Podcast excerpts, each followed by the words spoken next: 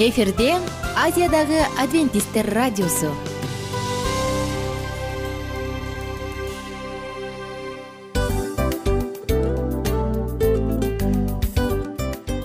Достор салют. Баардык сүйүктүү угармандарыбызга салам айтабыз. Кутман күнүңүздөр менен. Ден соолук өмүрдүн булагы демекчи саламат саамы программасында баарыңыздарды көргөнүбүзгө абдан кубанычтабыз. Анда алгач амандашып өтөлү арбаңыздар деп. Ден соолугуңуздар кандай элибизде көбүнчө ден соолук кандай дегенде эле жакшы деп жооп беребиз э? ооруп турсак дагы жакшы дейбиз. Анан мен муну айтып ойлойт элем бул абдан сонун сөз депчи анткени бул жакшы деген үмүт да э ооба баары жакшы болот. Баары сонун. Деп үмүттөнүп атып эле өзүбүздү өзүбүз дарылап коебуз. Анысы кандай? Сиздин дагы ден соолугуңуз жакшы беш деген үмүттөбүз чындыгында ден соолук бул өмүрдүн булагы деп бекеринен айтылган эмес деп ойлойм. Кыргыз элинде анткени эгерде ден соолук жок болсо анда адамдын жашоосунда калган баардык керектүү маңыздуу нерселер өзүнүн баалуулугун жоготуп коет. Ошондуктан ден соолук бул эң керектүү нерсе. Ооба туура айтасың кесиптешим чынында ден соолугуң жок бир эки үч күн ооруп калсаң эле кандай болуп калат? Жашоодо көз каранды болуп каласың көп нерсеге жетишпей каласың көп нерсени кыла албай каласың жада калса эчке дүкөнгө да чыга албай каласың. Туптуура анан ден соолук болсо демек биз биздин бактыбыз тоодой деп койсок болот.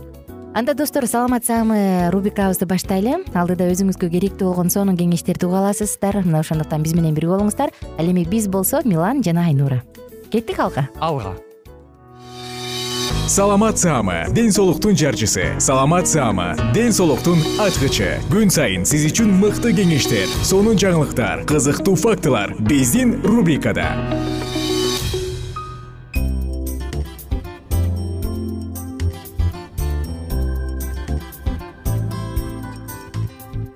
Кутман кушубак күнүңүздөр менен кайрадан сиздер менен сиз сүйгөн биз сүйгөн сонун уктуруубузду баштадык бул саламат саамы түрмөгү. Достор бүгүнкү тема боордун саламаттыгы үчүн же боор оорубаш үчүн эмне кыла алабыз? Мурунку уктуруубуз эсиңизде болсо биз боор жөнүндө сөз кылганбыз эсиңиздеби аны кантип сакташ керек деги эле боордун милдети эмнеде боор эмне деген орган мына ушул жөнүндө сөз кылганбыз. Эми болсо бүгүнкү темада сиздер менен бирге биз боор жөнүндө андан ары байланышып сүйлөшүп анан кийин эмне кылабыз эмне кылсак кылсак болот мына ушул жөнүндө сөз кылалы деп турабыз эгерде сиздин дагы бооруңуз оорубасын десеңиз анда биздин уктуруубузду кунт коюп угуңуз боор бул организмдин фильтри жана фабрикасы. Эгерде ал дартка чалдыкса анда башка органдарда дагы оорулар жаралат. Анткени денени уудан толук тазалай албай калат э. Андыктан боорду ооруга чалдыктырбаш үчүн туура тамактанып аны убагында тазалап туруу керек. Аны дегенде албетте бул боордо кантип? Алдыда сөзсүз түрдө сөз кылабыз чоң адамдардын боору бир миң эки жүз бир миң беш жүз граммдын тегерегинде болот. Бул бир килограмм эки жүз грамм бир жарым килограмм. Жаңы эле төрөлгөн ымыркайлардын боору болсо орточо эсеп менен жүз элүү эле граммды түзөт. И мыйтыйган мыйтыштагы да боорлор да мыйтыш болот экен. Эми достор сиздер менен бирге кантип дарылаш керек эмне кылыш керек? Мына ушул жөнүндө сөз кылалы.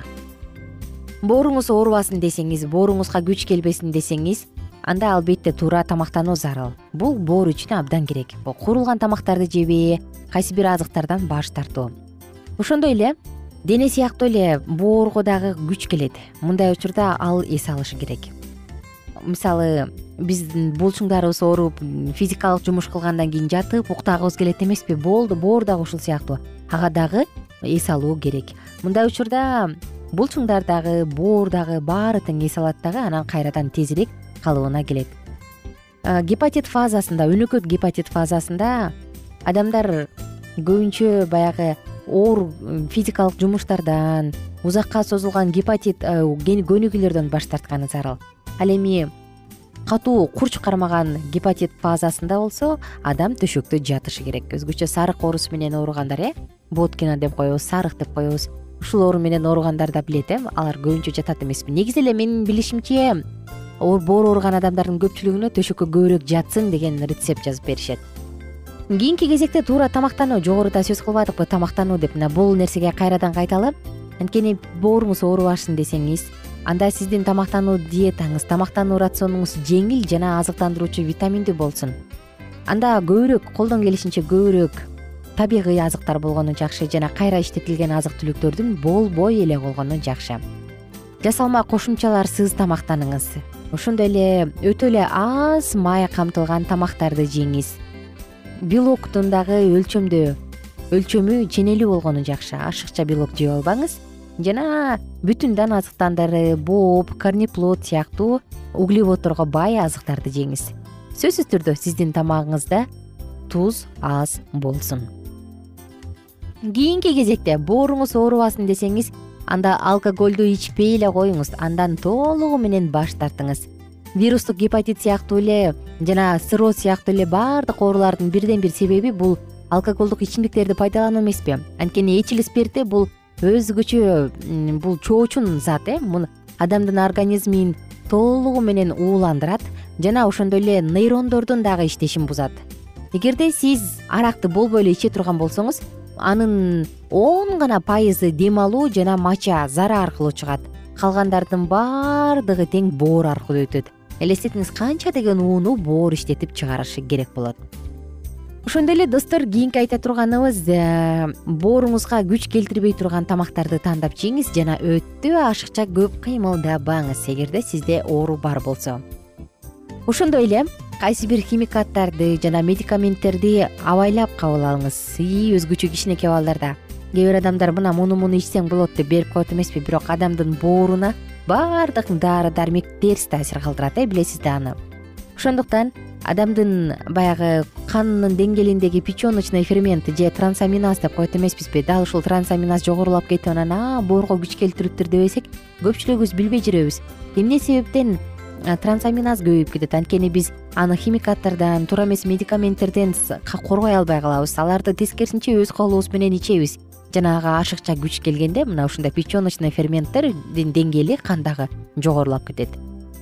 Ошондой эле химикаттар менен пестицид спрейдин эритмелери менен азыраак колдон келишинче контакт кылбаганга шашылыңыз алардан качыңыз жана достор наркотикалык заттарды өзгөчө кофеин кофенин курамындагы кофеинди дагы ичпегенге аракет кылыңыз. Бул сиздин бооруңуздун саламаттыгын бузат.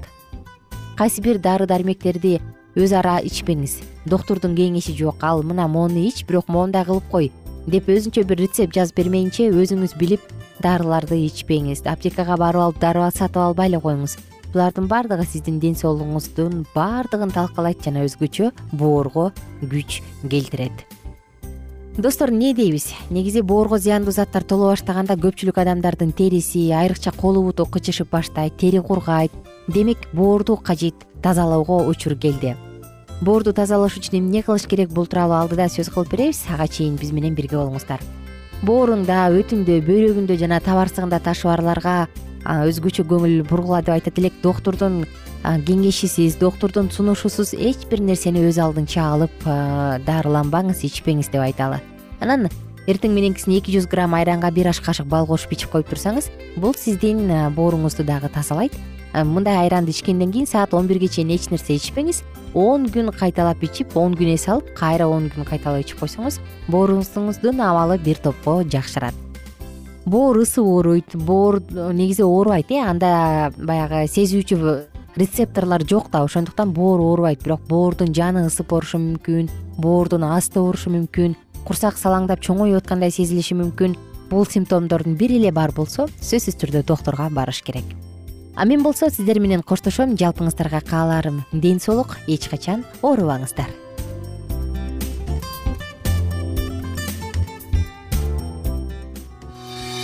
саламат саама ден соолуктун жарчысы. Саламат саама ден соолуктун ачкычы. Күн сайын сиз үчүн мыкты кеңештер сонун жаңылыктар кызыктуу фактылар биздин рубрикада. Салют замандаштар баарыңыздарга ысык салам. Дил маек программабызга кош келиңиздер. Дил маек рубрикасы дегенде эле бул эмне болгон дил маек? Ким менен маектешебиз деп сурайт болуш керек угармандарыбыз бул рубриканы кыскача тааныштыра кете турган болсок ар тарап кесип ээлеринен болгон сонун интервью кеңештер бар. Ооба. жылдыздар менен болгон маек бар. Аталарыбыздын агаларыбыздын чоң аталарыбыздан сонун кеңештер бар. Ошондой эле эже сиңдилердин кеңештери бар айтор. Баардык кызыктардын баары алдыда. Негизи эле адам баласы бир кимдир бирөөнө ишенип сырын ачкысы келет эмеспи э мындай баарлашууга жакын келебиз го. Албетте негизи бир жерге отуруп алып кенен шашпай баягы жүрөктөн жүрөккө ачып сырларыбызды ар кандай көйгөйлөрүбүз менен бөлүшүп баягы чын жүрөктөн маек курганды кимибиз сүйбөйбүз э? Ооба десең ал нерсеге суусап да келебиз да. Ооба кээ бирде адамга чындыгында баягы э, ысык маек баягы жылуу маек жетишпейт да. Ошондуктан биз ушул рубриканы ойлоп тапканыбызда эң биринчи эле достор сиздер менен чын жүрөктөн бир маңыздуу темаларды козгоп кеткени э, кааладык. Ошондуктан ушундай сонун бир рубриканы тартуулап жатабыз. Анын үстүнө радио дагы сонун дос да анткени э, мындай учурда досуңа айтсаң досуң досуна айтат досу досуна айтат да анан бүт өлкө билип калышы мүмкүн го.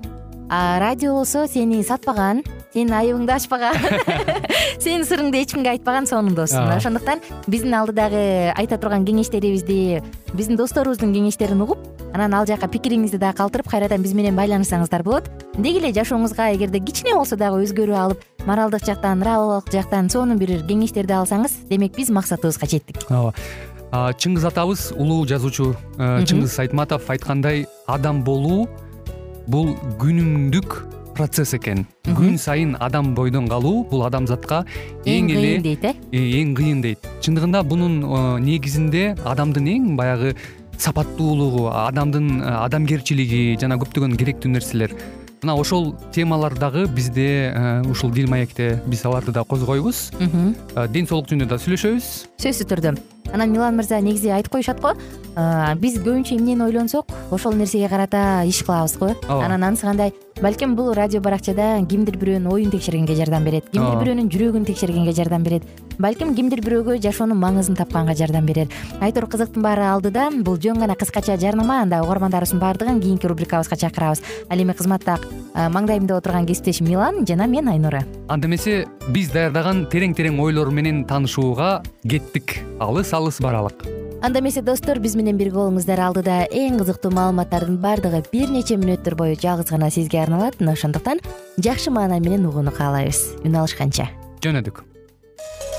Ар түрдүү ардактуу кесип ээлеринен алтын сөздөр жүрөк ачышкан сыр чачышкан сонун маек дил маек рубрикасында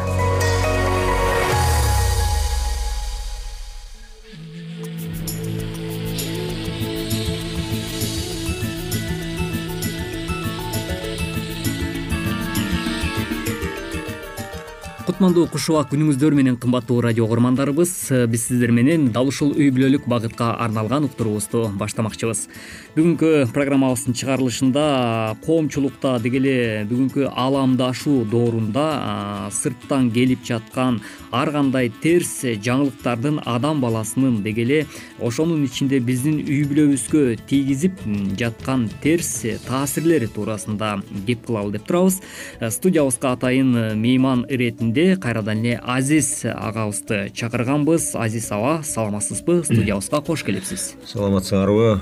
Арыбаңыздар ардактуу угармандар бар болуңуздар азиз аба ал эми бүгүнкү кеп кыла турчу сөзүбүз кур болбош үчүн бүгүн ааламдашуу доорунда жыйырма биринчи кылымдын шартында баягы жашап жаткандыктан э, мына интернет булактары аркылуу дейбизби же ошол эле э, массалык маалыматтар каражаттары аркылуубу баардык эле э, жактан карап турсак бул массалык түрдө ушунчалык терс бир жаңылыктарга дагы күбө болуп калган учурларыбыз болот ушунун бүгүнкү күндө э, кээ бир үй бүлөлөргө дагы түздөн түз мисалы биздин тарбиялап аткан балдарыбызга э, өмүрлүк жарларыбызга дейбизби айтор кыскасы адам баласынын психологиясына тийгизип жаткан таасири э, бүгүнкү күндө мындай бир терс жактары дагы болуп аткандай бир эмнегедир мени ойлондурат да. Ошондуктан э, ушул туурасында өзүңүздүн бир мугалим катары сиз буга чейин баягы билим берүү тармагында бир топ жылдардан бери эмгектенип келген инсан катары өзүңүздүн пикириңиз менен бөлүшүп берсеңиз. Рахмат эми мен бул баардык жагынан экспертмин деп айта албайм мен. Жөнөкөй эле э, жаран жөнөкөй эле жашоочумун анан жөнөкөй эле адамдын оюн айтып көрөйүн.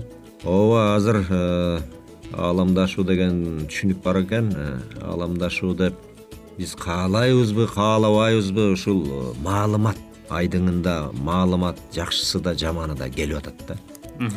Анан э, мунун жакшы жактары да бар албетте. Маалыматтуу болуу бул бай болууга тете бирок ошол бай болгон бай болгондо дагы ошол жан дүйнөбүз канчалык байып атат же болбосо жан дүйнөбүз эми жанагы келген маалыматтын бүт баары эле таза сонун деш кыйын да. Ошол келген маалыматтын канчасы эми кыргызча таштанды же болбосо орусча мусор деп коелу да. Мусор келип атат да. Анан биз ошол э, эми элестеткиле кээ бирде мындай көчөдөн көрүп калабыз. Тиги мусорду таштанды салган челекти казып аткан бомжу байкуштардычы. Эми биз жан дүйнөбүз ошондой эле болуп атпайбы. Ошол жан дүйнөбүзгө мусор толуп атат биз ошонун ичинде жүрөбүз да. Ушул эми жакшыбы ушуну бир ойлонуп көрсөңөр ошол таштандыны казып аткан бомжудан эмне айырмабыз бар? Бүгүнкү маалымат айдыңында биз казып эле ушул мусорду аралап атабыз да демек биз ушул туурасында ой жүгүртпөйт экенбиз да анда жөн эле баары керек сыяктуу эле жөн эле казып атпайбызбы? Э, менин түшүнүгүмдө мунун эми бир пайыз эле бир э, жагымдуу же болбосо бир пайыз эле пайдалуу ошо пайдалуу жагын караш керек. Пайдалуу маалымат болбосо токсон тогуз пайызы жөн эле ушак айың анан тигини жамандап муну жамандап анан ууру кески анан согуш анан тытышмай анан урушмай ушуларды эле көрүп атпайбызбы андан башка эмне? Жүрөктү жылыта турган эмнени көрүп атабыз анан мен ойлоп койдум бул тазалыкка умтулуу жоголуп бараткандай да бул тазалыкты жан дүйнөнүн ички дүйнөбүздүн тазалыгы те тоодон жаңыдан жыбылжып аккан булакка салыштырсак булак таптаза да анан азыркы күндө болсо ошол булак э, келип келип отуруп анан чоң арыкка кошуп ал арык чоң дарыяга кошулуп анан мусор кошулуп анан тиги элестет эми чылап алып жаткан бир сазды. Ушул аягы келип ушул сазга айланып чылап алган бир көлмөнү бир элестетсең бир сасып аткан көлмөнү. Анан бүгүнкү күндө ушул маалымат маалымат майданы деп коелу эми майдан эмегенде эмне? Майдан деген бул согуш деген сөз да маалымат согушу жүрүп атат да. Анан ошол согуш талаасы жүрүп жатат согуш талаасы жүрүп атат. Эмне болгон согуш талаасы десек адамдын жан дүйнөсүнө болгон талаш жүрүп атат да. Сени мени тигини муну кыргызды же болбосо деги эле адам баласынын жүрөгүн жан дүйнөсүн булгаш үчүн болгон талаш да. Ошондо биз өзүбүз макул болуп берип атабыз батыштын мусоруна же болбосо керек болсо чыгыштын да мусоруна эмне чыгыштыкы таза дейсиңерби чыгышы дагы э, келип атат батышы да келип атат бияк тиягынын баары эле келип атпайбы. Анан ошонун баарын биз азыр иригебесек керек болсо мындай фильтр коюп коюп фильтрлебесек чыпкалабасак анда мусордун арасында биз эртеңки күнү чөгүп калабыз. Эртеңки күнү кыргыз жоголот дагы ошол мусорго белчебизден анан кекиртегибизден батабыз да. Ансыз деле ошого барат мисал кылбадымбы айт тиги кыргыздардын баш аты мөлтүр булактан башталган да. Ошо мөлтүр булакка өйдө карай умтулбай Э? биз тетирисинче ылдый агып атабыз а ылдый элестеткиле тоодон агып келаткан сууда эмне бар? Анда мусору да бар салафаны да бар жыгачы да бар тиги ишкыл мусордун баары тиги суу менен агындуу болуп ага берет агып кете берет дагы сазга барып такалып анан көлчүк болуп анан сасып жата берет. Биз ошого баратабыз ойлонуп көргүлөчү а тирүү балык гана. Ал агым менен сүзбөйт.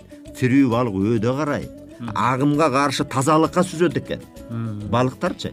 Анда мен чакырат элем айыланайын кыргыз элим өзгөчө жаштар. Мусор менен кошо мусор болуп те тиги ылдый көздөй сазды көздөй сасык жакты көздөй акпай батышты да чыгышты да туурабай.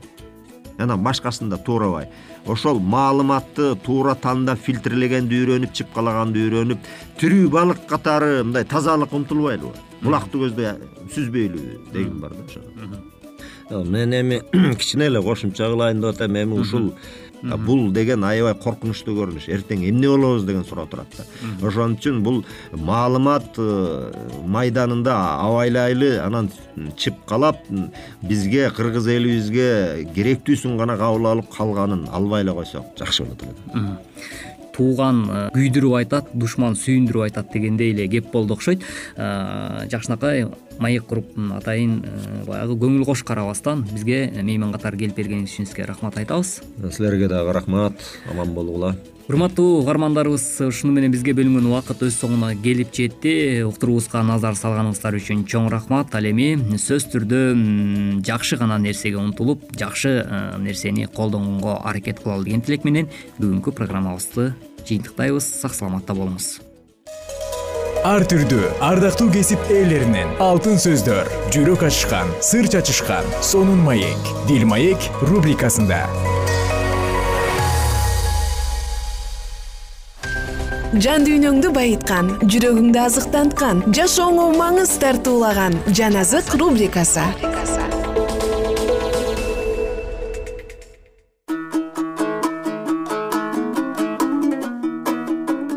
саламатсызбы бурадарым? Сиздер менен бирге жан азык рубрикасындабыз. Жана бүгүн дагы мурунку уктуруубузда улантып накыл сөздөр китебин окууну улантабыз. Алдыдагы мүнөттөр сиздин жашооңузга керегин тийгизген сонун мүнөттөрдөн болсун. Биз менен бирге болуңуздар. Сулаймандын накыл сөздөрү он бешинчи бөлүм. Момундук менен айтылган жооп каарды токтотот. Ал эми кордогон сөз ачууну коздойт акылдуу адамдардын тили билимди кабарлайт. Ал эми акылсыздардын оозу акылсыздыкты сүйлөйт. Теңирдин көзү бардык жерде. Ал жакшыларды да жамандарды да көрүп турат. Момун тил өмүр дарагы. Ал эми ооздукталбаган тил рухту талкалайт. Акылсыз адам атасынын акыл насаатын барктабайт ал эми айыбын ачканды уккан адам акылдуу. Адил адамдын үйүндө байлык көп. Ал эми мыйзамсыздын кирешеси өзүнө бүлүнүү алып келет. Акылдуу адамдардын оозу билим таркатат. Акылсыздардын жүрөгү андай эмес. Мыйзамсыздардын курмандыгы теңирдин алдында жийиркеничтүү. Ал эми адил адамдардын сыйынуусу ага жагат мыйзамсыздын жолу теңирдин алдында жийиркеничтүү ал эми акыйкат жолу менен жүргөн адамды ал жакшы көрөт.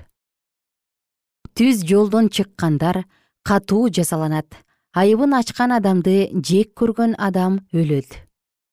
Өлгөндөр жаткан жай менен абадон теңирдин алдында ачык андан бетер адам баласынын жүрөгү анын алдында ачык шылдыңчыл адам айыбын ашкере кылган адамдарды сүйбөйт.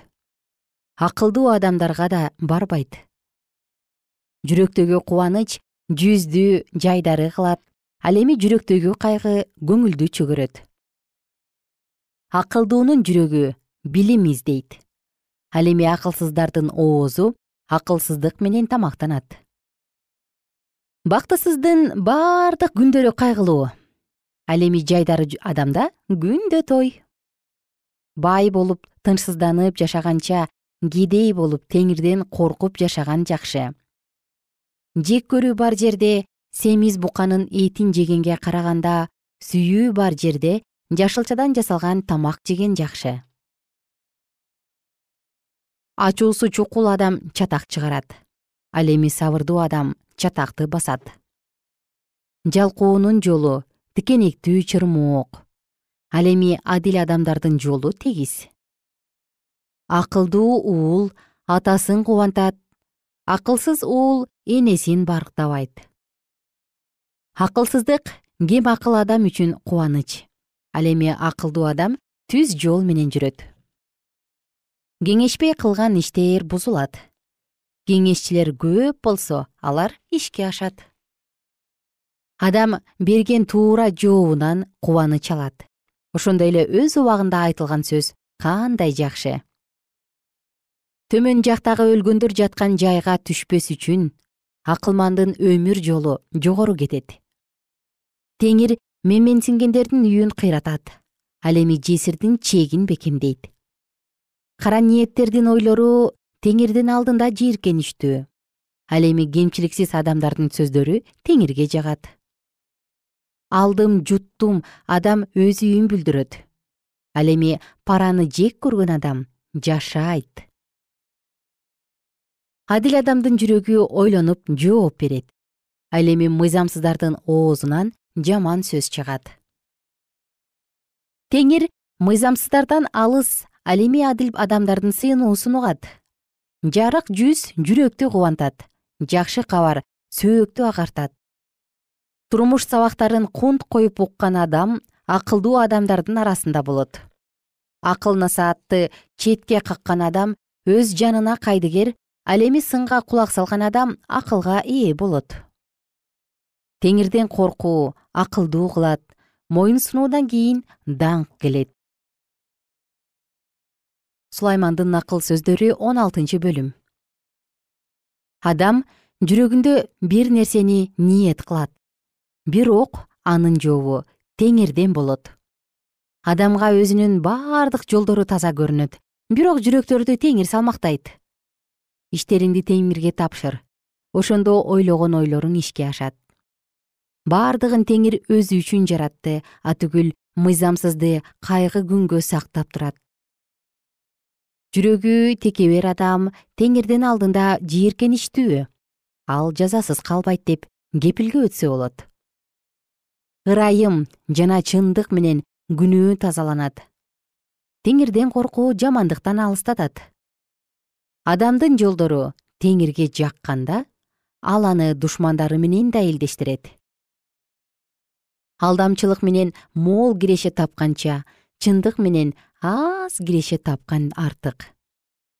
Адамдын жүрөгү өз жолун ойлонуштурат бирок анын кадамын теңир багыттайт падышанын оозунан кудайдын өкүмү чыгат. Сотто анын оозу күнөө кылбайт. Туура тараза жана өлчөөчү идиштер теңирден. Баштыктагы бардык тараза таштар да теңирден. Мыйзамсыз иш падышалар үчүн жийиркеничтүү анткени такты чындык менен бекемделет. Чын сүйлөгөн ооз падышага жагат ал чындыкты сүйлөгөн адамды жакшы көрөт падышанын каары өлүмдүн кабарчысы. Бирок акылдуу адам анын каарын кайттырат. Падышанын жарык жүзү өмүр анын ырайым кылганы. Жазгы жамгырдай. Даанышмандыкка ээ болуу алтынга ээ болуудан алда канча жакшы. Акылмандыкка ээ болуу тандамал күмүшкө ээ болуудан жакшы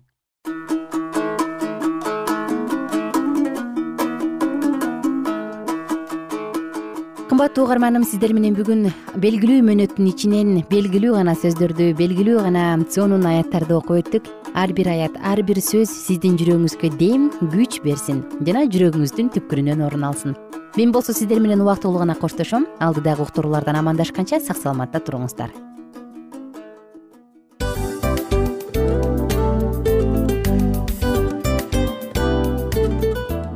мына ушинтип убакыт дагы тез өтүп кетет экен. Биз дагы радио уктуруубуздун аягына келип жеттик. Келип кубандырдыңар эми кетип кубандыргыла деп тамашалап калышат эмеспи? Анысы кандай? Радио баракчабызды программабызды азыр эле баштап аткандай болдук элек. Мына соңуна келдик э? Негизи убакыт э, билинбей өтүп кетет экен. Мен дагы э, убакыт дегенде бүгүн бир адам менен сүйлөшүп калдым. Анан убакыт бул мүмкүнчүлүк деп айтып өзүмө өзүм айтып алып анан мага өзүмө эле кайра ачылыш болду да чын эле Э, карап отурсаң ошол эле жыйырма төрт саат ошол эле жарым саат кайталанып атат бирок сендеги мүмкүнчүлүк жок ошол кой берилип кетти? Анысы кандай? Бүгүнкү сонун убактыңызды алтындай болгон жарым саатыңызды бизге бөлүп арнаганыңыз үчүн ыраазычылык айтабыз. Анан жашооңуздун кайсы бир сферасын өзгөртө турган сонун пайдалуу кеңеш алган болсоңуз анда биз максатыбызга жеттик. Анан ушул нерсени кылбасам десеңиз ошол өзгөрүүлөрдү кичинекей кадамдардан баштап иш жүзүнө ашырыңыз дагы жашооңузда чоң чоң ийгиликтерге жетиңиздер чын жүрөктөн ар бир берилген кеңештер сөздөр сиздерге пайдасын алып келет деп ишенебиз. Жана кийинки уктурууларда сөзсүз түрдө чыдамсыздык менен сиздерди күтөбүз. Сагынычтуу салам айтып кайрадан дал ушул жыштыктан баардыгыңыздарды тосуп алганча кызматта мен айнура жана кесиптешим милан. Анда кол каалайбыз жалпыңыздарга ийгиликтүү күн. Саламатта калыңыздар